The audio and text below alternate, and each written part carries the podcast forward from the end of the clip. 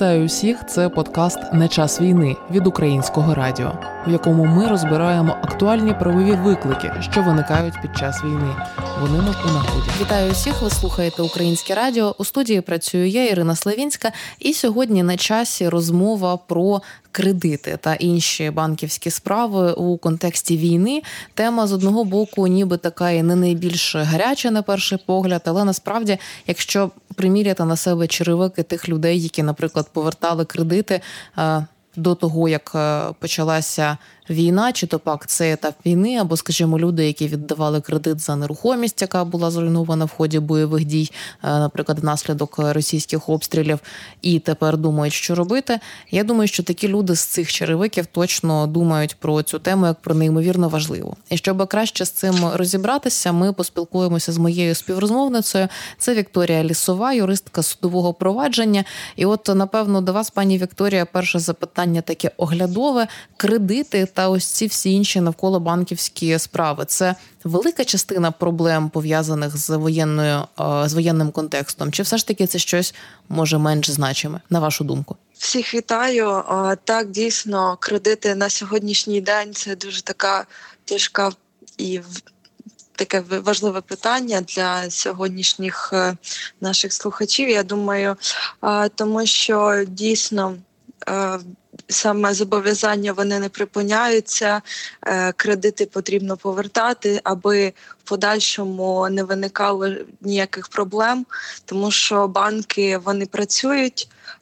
Вони, так як було введено воєнний стан, вони притримуються кредитних канікул однак це не звільняє боржників від сплати самих кредитів. І відповідно дуже болюче питання стає, коли, наприклад, людина брала кредит на придбання будинку чи автівки, і за таких тяжких обставин, як у нас зараз сталося. Ці дані об'єкти нерухомого майна було пошкоджено чи зруйновано. Відповідно, виникає питання, що робити, що чи платити далі, чи ну як повертати взагалі ці суми, якщо навіть немає де жити, і взагалі ти є під статусом біженця, і що взагалі як з банками вирішувати питання? Це означає, що є такий букет теми, з якими ми можемо сьогодні попрацювати для того, щоб краще з цим розібратися. Пропоную розпочати, можливо, з найпростішої речі. Я, до речі, е, читала дописи на цю тему навіть у кількох е, своїх добрих знайомих і колег колег так званий овердрафт е, на картках, так коли банківські картки uh дозволяють заходити в мінус. Це можливо не зовсім правильно назвати кредитом, принаймні часто йдеться про менші суми, але там мінус скількись гривень, е, які опинилися на картці, і були банки, різні українські банки, які мали різні підходи до е, цих овердрафтів на рахунках, так до цих е мінусів на рахунках. Давайте, можливо, спершу цю тему оглянемо. Можливо, є якісь якісь загальні настанови, які сьогодні в Україні діють незалежно від того, клієнтом якого банку є людина, яка має такий овердрафт, тобто мінус на рахунку. Е, ну, по перше, овердрафт є перевищення ліміту кредитування, тобто є, наприклад, сума максимальна, яку надає банк е, для клієнта, яку він може пере, ну, перетнути, тобто взяти у банку. Так і дійсно ця сума має повертатися і. Навіть у даному становищі, так воєнний стан, декілька банків е, зробили такі е, якби знижки і скасували мінімальні платежі по кредитних картках. Однак це не звільняє їх сплачувати саме тіло, крім відсотків. Тобто, якщо було взято овердрафт, то все рівно його потрібно повертати.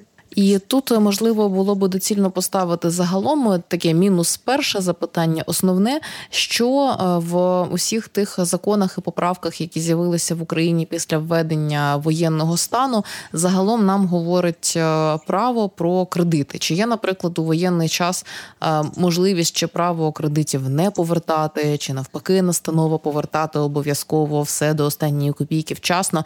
Який тут є спектр рішень, які в Україні сьогодні діють? По-перше, так у нас є постанова Національного банку України від 24.02, в якій вказано про те, що всі банки зобов'язані не нараховувати штрафні санкції на те, якщо буде здійснено прострочення платежів.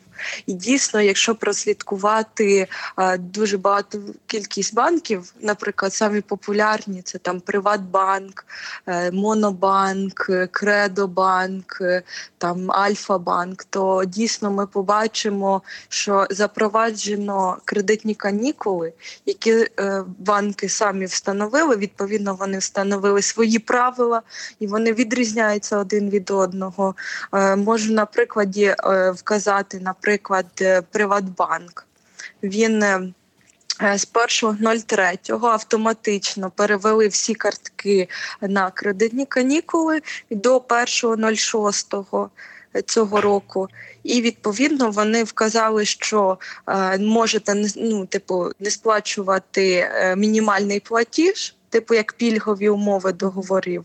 Однак е, е, після 1.06 ви повинні сплатити всі ці платежі, плюс е, заборгованість, яка існує по тілу і відсотках. Ну, але не будуть якоби нараховуватися штрафні санкції. Тобто, далі ми, якщо звернемо увагу, наприклад, на Кредобанк то там вони вказують, що так, ми не будемо нараховувати штрафні санкції, там пеню а, на те, що ви не платили там ці три місяці да, кредитних канікул. А, однак ви не звільняєтеся від сплати відсотків та е, тіла кредиту. Тобто сам, самі оці кредитні канікули, вони е, ну сама їх сутність в тому, що це відтермінування сплати боргу, а не його прощення. Тобто потрібно розуміти розуміти, що це погашення кредиту не скасовується, і просто банк на деякий період не нараховує неустойку штрафні санкції, пеню та інші платежі у разі несвоєчасного виконання умов кредитного договору. Тобто, коли ми говоримо про кредитні канікули, часто це словосполучення можна зустріти в медіа, то ми робимо висновок, що не йдеться про право зовсім нічого не платити в банку. Якщо я би так, так по-простому це сформулювала, це було б правильно. Так, так, це так думається, що дійсно кредитні канікули, о, я можу не платити три місяці. Мені банк надав можливість таку. Однак це на перший погляд е, не так. Ти зобов'язаний платити кожного місяця, хоча б мінімальні платежі. От щоб не нараховувалася, не збиралася ця заборгованість по тілу кредиту і по відсотках, щоб ти тоді після 1.06 не ну, подивився на свій баланс, на свій а, виписку про рух коштів. Це називається. І жахнувся, що в тебе така заборгованість. Давайте ще раз підкреслимо і пояснимо, чому ми говоримо саме про 1 червня, про 1.06 як дату у контексті нашої розмови. Це є кінцева дата, яку самі банки встановили, як вони встановили 90 днів кредитних канікул. І відповідно це є 1.03 почалося, 1.06 закінчується. Однак це не не вказує на те, що е, ці цей день може понов... ну, типу продовжитися. Тобто, це залежить від е, воєнного стану. Якщо він відповідно буде продовжуватись, то банки будуть змушені продовжити ці терміни. Тобто я не кажу, що це прям кінцева дата. Тобто це просто на сьогоднішній день е, банки встановили таку кінцеву дату. Той факт, що кредитні канікули це не означає неможливість е, чи верніше право нічого не платити банку за кредитами. Йдеться про те, що є змога і є така опція для людей, які не можуть виплачувати кредити в повному обсязі банкам, сплачувати певну мінімальну суму. А скільки це мінімальна сума? Як е, кожен і із нас, е, людей, у яких можуть бути кредити перед певними банками, е, можуть визначити ту суму мінімальну, але достатньо для того, щоб не отримати штрафів, не отримати жодної пені. От зараз нам про це розкаже наша співрозмовниця. А я нагадаю, що з нами в студії на зв'язку Вікторія Лісова, член членкиня Асоціації жінок-юристок ЮРФЕМ і юристка судового провадження. Отже, Вікторія, до вас моє запитання вже озвучене. Мінімальні платежі за кредитом, які є можливими і обов'язковими навіть в умовах кредитних канікул. Скільки це мінімально? Як це правильно порахувати? Я ще раз зауважу, що на період кредитних канікул штрафні санкції не нараховуються у разі прострочення платежів. Зокрема, повернуся до мінімальних платежів. Дивіться, відповідно, кожен кредит має свої особливості. Він поділяється на тіло кредиту, відсотки та інші платежі. Відповідно, мінімальною може вважатися сума, яка є по графіку платежів, тобто відповідно в додатку до кредитного договору кожного договору договору. Е, це може бути тіло кредиту, це може бути відсотки. Якщо ми візьмемо до прикладу, е, от у нас банк Пумп, е, він ем, на своєму офіційному сайті для прикладу навів таку табличку, в якій він вони наводять, от якщо кредит було взято на 10 тисяч гривень на 24 місяці, Тобто е, обов'язковий платіж за кредитом складав за тілом 416 гривень, а щомісячна там комісія та відсотки складала 400 е, гривень. То відповідно загальна сума була 815 гривень. Це це така сума була обов'язкова, е, як щомісячний платіж там до введення цих кредитних канікул. Відповідно, на період канікул банк як зробив? Він е, спростив. Е, він сказав, що тіло кредиту ви можете не платити, але відсотки ви маєте платити. Тобто, відповідно, на період канікул така сума сягає 400 гривень. Тобто до цього ми платили тіло і відсотки в такій-то сумі на сьогоднішній день, тобто період канікул, ем, відповідно тільки відсотки. Тобто, але це не не, ну я не кажу, що це так воно є. Тобто, кожен банк він може по-своєму вирішувати. Е, ви можете платити тільки тіло кредиту або тільки відсотки. Однак ця сума є у вас в, е, в графіках платежів, які ви укладали при підписанні кредитного договору. Це виключно в усіх кредитних договорах є такий додаток, по якому ви собі дивитеся, там закреслюєте, що ви цього місяця заплатили таку-то суму, і ви бачите, там розграфлено. Така то сума ви платите за тіло кредиту, така то за відсотки і інші платежі. Ми зараз е, наразі говоримо Вікторія про таку ситуацію, коли є можливість і платежі робити, нехай навіть в зменшеній е, І є можливість в принципі на це все звертати увагу і стежити за своїми кредитними зобов'язаннями. А якщо ми говоримо про реально форс-мажорні обставини, ну нехай за приклад ми візьмемо не Маріуполь, це все ж таки дуже і дуже екстремальна ситуація. А уявимо собі місто, яке припустимо так само зазнає і бомбардувань російських, і в облозі перебуває.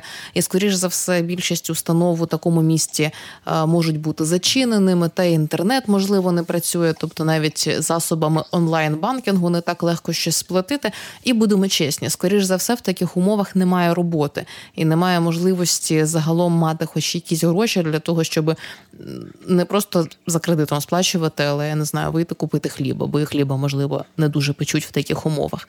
Що угу. на ці випадки для українців та українок, які мають кредитні зобов'язання, передбачає український закон? Так, е, хочу звернути увагу на те, що 28.02.22 року торгово-промислова палата України ухвалила рішення, яким спростила засвідчення форс-мажорних обставин тобто обставини переборної сили, та підтвердила, е, що обставини з 24.02.2022 року до їх офіційного закінчення є надзвичайними, невідворотними і об'єктивними обставинами. Е, даний факт. Нам е, встановлює те, що дійсно виникли форс-мажорні обставини, а саме в частинах нашої держави, де діють активні бойові дії, дійсно ми можемо застосовувати в судових провадженнях таку ну такі таку е, рішення торгово-промислової палати, відповідно, яке е, буде підтверджувати наявність таких форс-мажорних обставин і неможливості взагалі сплачувати ні кредит, ні навіть можливості купити хліба. так. І дійсно, я думаю, що коли буде в нас е, судові провадження, а вони будуть, тому що банки все рівно будуть е, а, хотіти повертати свої кредити, це безумовно. От і можливо можна буде від дані платежі а, визнати такими, що ну були не сплачені в зв'язку з форс-мажорними обставинами. Але якщо це відбувається прямо тепер, що може зробити людина у своїй ситуації? От я пригадую, колись розмовляла про те, яким чином працедавець може засвідчити форс-мажорні обставини, і йшлося про те, що можна скласти такий собі акт, у якому зазначається, що в такому-то місті, такої-то області йдуть бойові дії у зв'язку з цим, згідно з е, от тією е, настановою від торгово-промислової палати, визначаємо, що це форс-мажори, тому, наприклад, не можемо виплачувати зарплату людям. Якщо це це обиватель чи обивателька з кредитом, і явно починаються форс-мажорні обставини.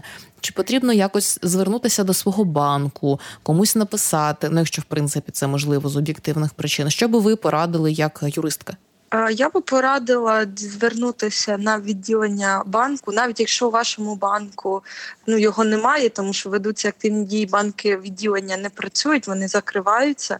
От то до головного відділення або телефонувати на гарячу лінію банку, вона є безкоштовною і уточнювати дані питання із банком, що робити, і щоб вони цей факт зафіксували.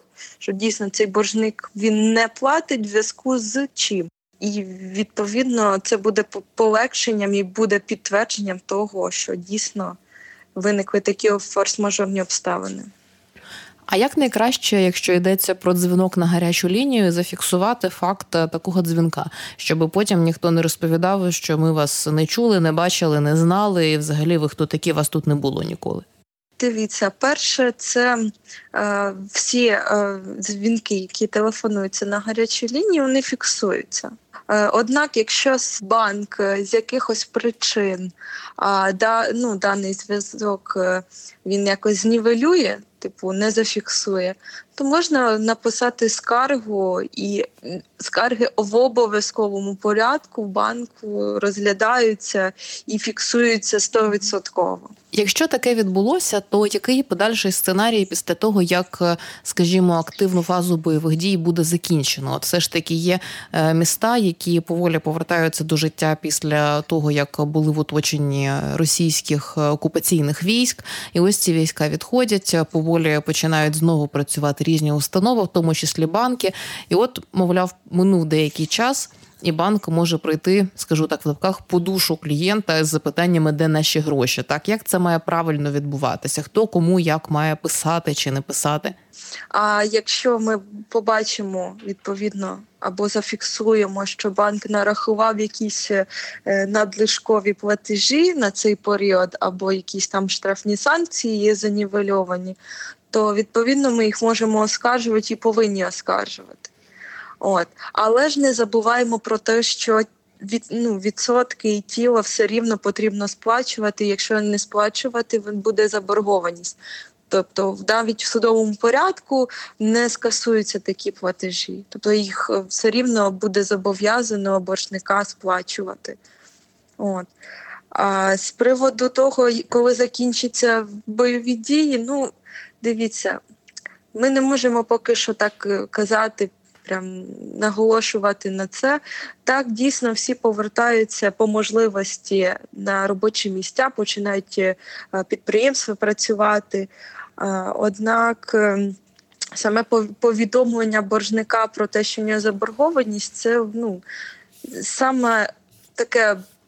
Легеньке, що може зробити банк, це просто повідомити там досудовою вимогою або ж повідомити смс-повідомленням про те, що є заборгованість, або в додатку мобільному.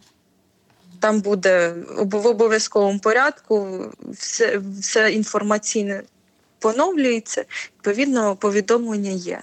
Тобто треба слідкувати за новинами свого мобільного додатку, відповідно, і слідкувати за своїми поштовими відправленнями.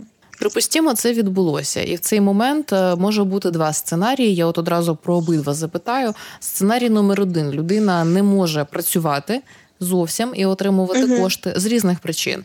Можливо, це отримання інвалідності внаслідок бойових дій. Можливо, це неможливість продовжувати свою діяльність як підприємця чи підприємниця. Ну справді існують десятки сотні різних причин. І другий варіант, е, другий сценарій, про який можна запитати, це людина, яка пішла служити в Збройні Сили України або до лав тероборони і зброєю в руках захищає свою країну і з окопів не дуже зручно платити за кредитами. Що для таких ситуацій передбачає український закон для українців та українок? Ну, дивіться, в першому питанні, в першому варіанті. А, В мене навіть це коли був е, карантин, дуже багато прикладів того, коли люди переставали платити, тому що в них підприємство переставало працювати, і навіть і ФОП, і юридичні особи, які а, до цього отримували прибутки, а в період карантину перестали їх отримувати, а кредити вони не зупинилися, їх потрібно було повертати.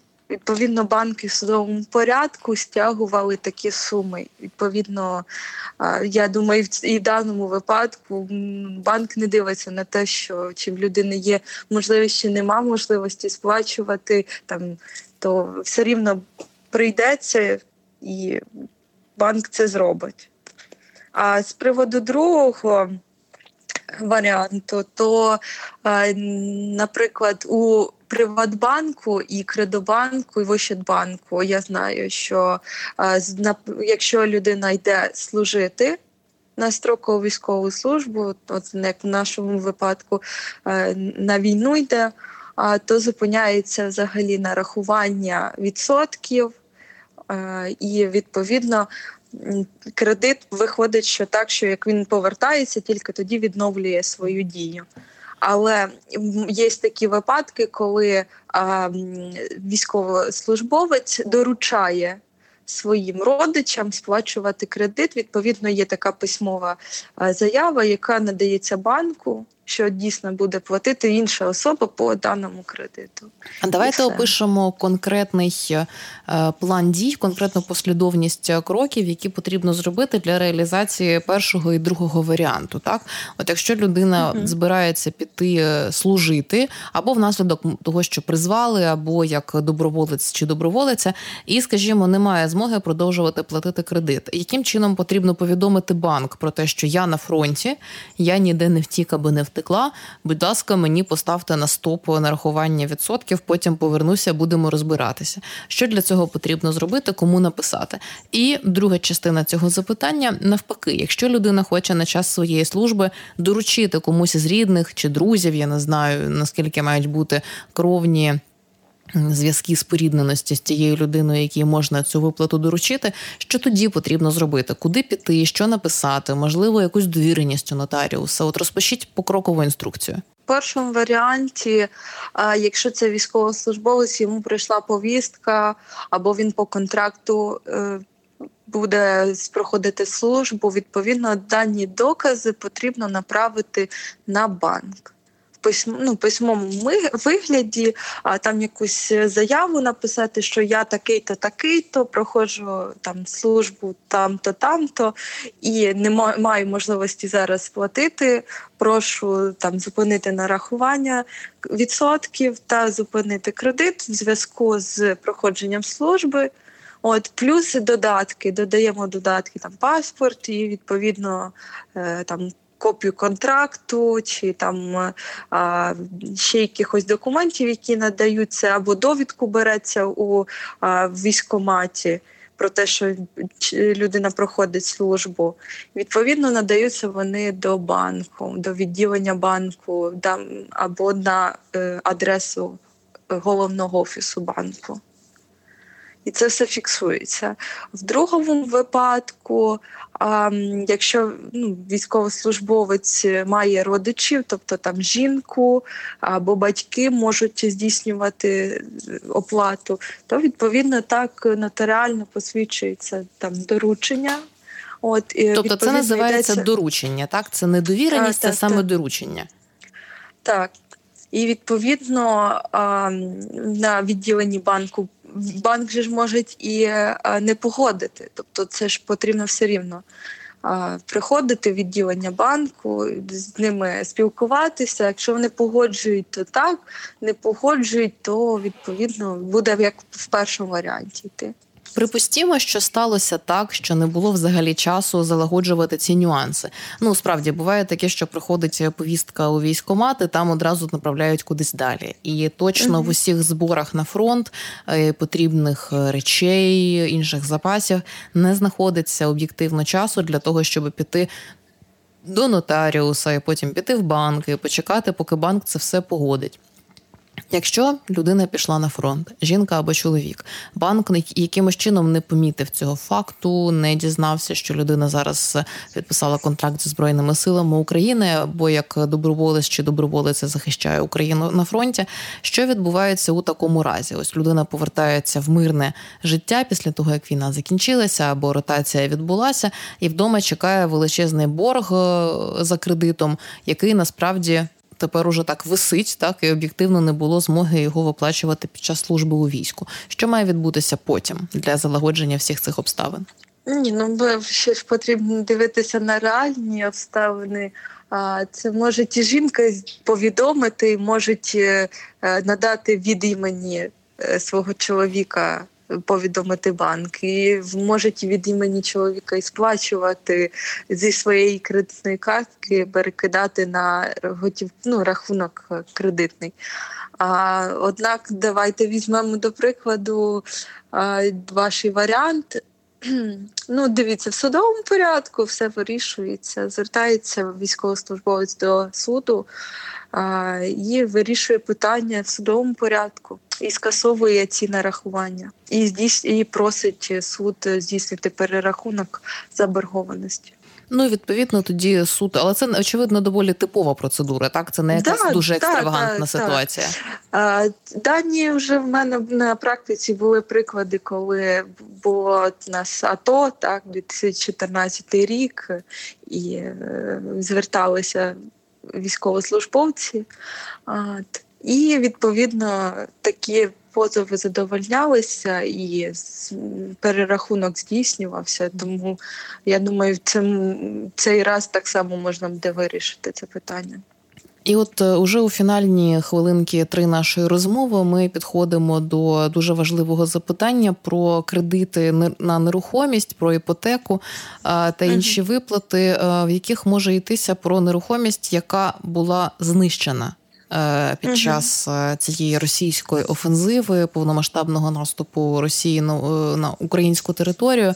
І я навіть не буду називати всі ті міста, містечка і села, де це могло статися. На жаль, цей перелік надто довгий.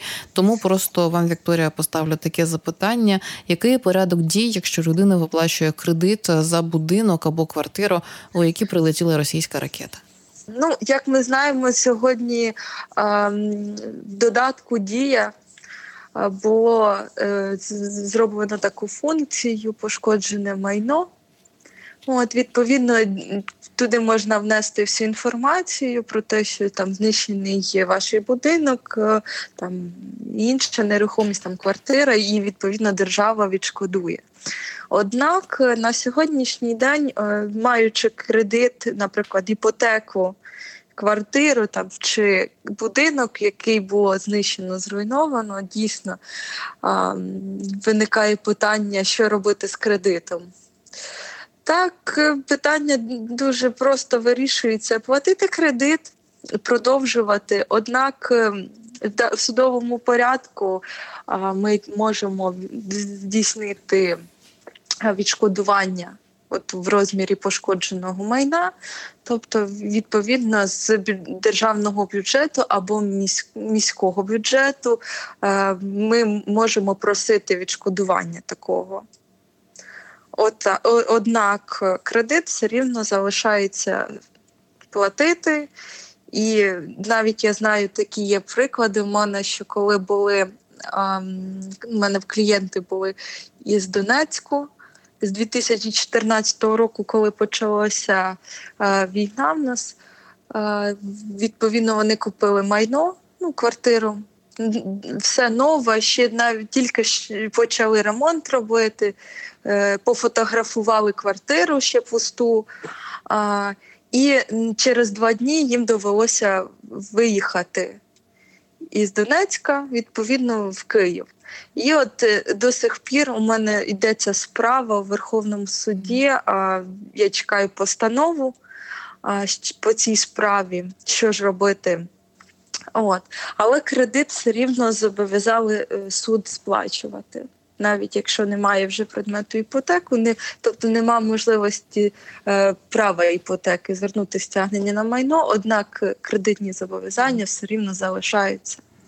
І тоді перепитаю, про що ж у такому випадку йде суд, якщо ці люди і інші люди в подібній ситуації мусять все одно сплачувати кредит. Ну, дивіться, кредит це окреме судове провадження, відшкодування збитків, відшкодування там е, зруйнованої будівлі це інший судовий процес. Відповідно, однією рукою необхідно продовжувати платити за цим кредитом цю іпотеку, навіть якщо більше немає квартири чи будинку. Але так. іншою рукою потрібно е, очікувати початку виплат компенсації за зруйноване майно. Так. І гіпотетично одне може перекрити інше?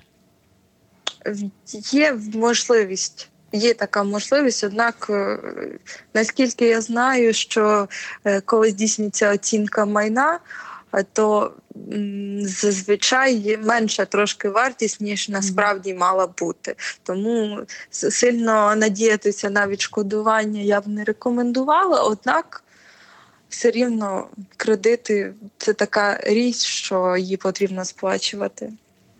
І щоб закінчити, е, чи може врятувати в цій ситуації страхування? Запитую майже невмання, можливо, є якісь варіанти. Е, так, дійсно, якщо було е, укладено договір іпотеки і був застрахований будинок, то чому б і ні? Можна звернутися в, до страхової компанії, відповідно посвідчити той факт, що це форс-мажорні обставини додати те рішення торгово-промислової палати, і відповідно страхова буде зобов'язана відшкодувати збитки. Якщо вона, звісно, страхов... застраховане майно. Якщо ні, то тоді, тоді вже ні. Дякую дуже за ці роз'яснення. Звичайно, будемо ще не раз до цієї теми повертатися, тому що, звичайно ж, стосунки з державою і в такій фінансовій царині у нас можуть розгортатися. І роз'яснення щодо е, того, як в умовах війни треба робити з кредитами, як їх виплачувати і чи потрібно їх виплачувати, нам пояснювала Вікторія Лісова, юристка судового провадження та членкиня асоціації жінок-юристок Кірфем. З вами був подкаст на час війни від українського радіо. У наступних епізодах ми будемо розбирати ще більше актуальних правових питань. Підписуйтесь, щоб не пропустити. А також слухайте.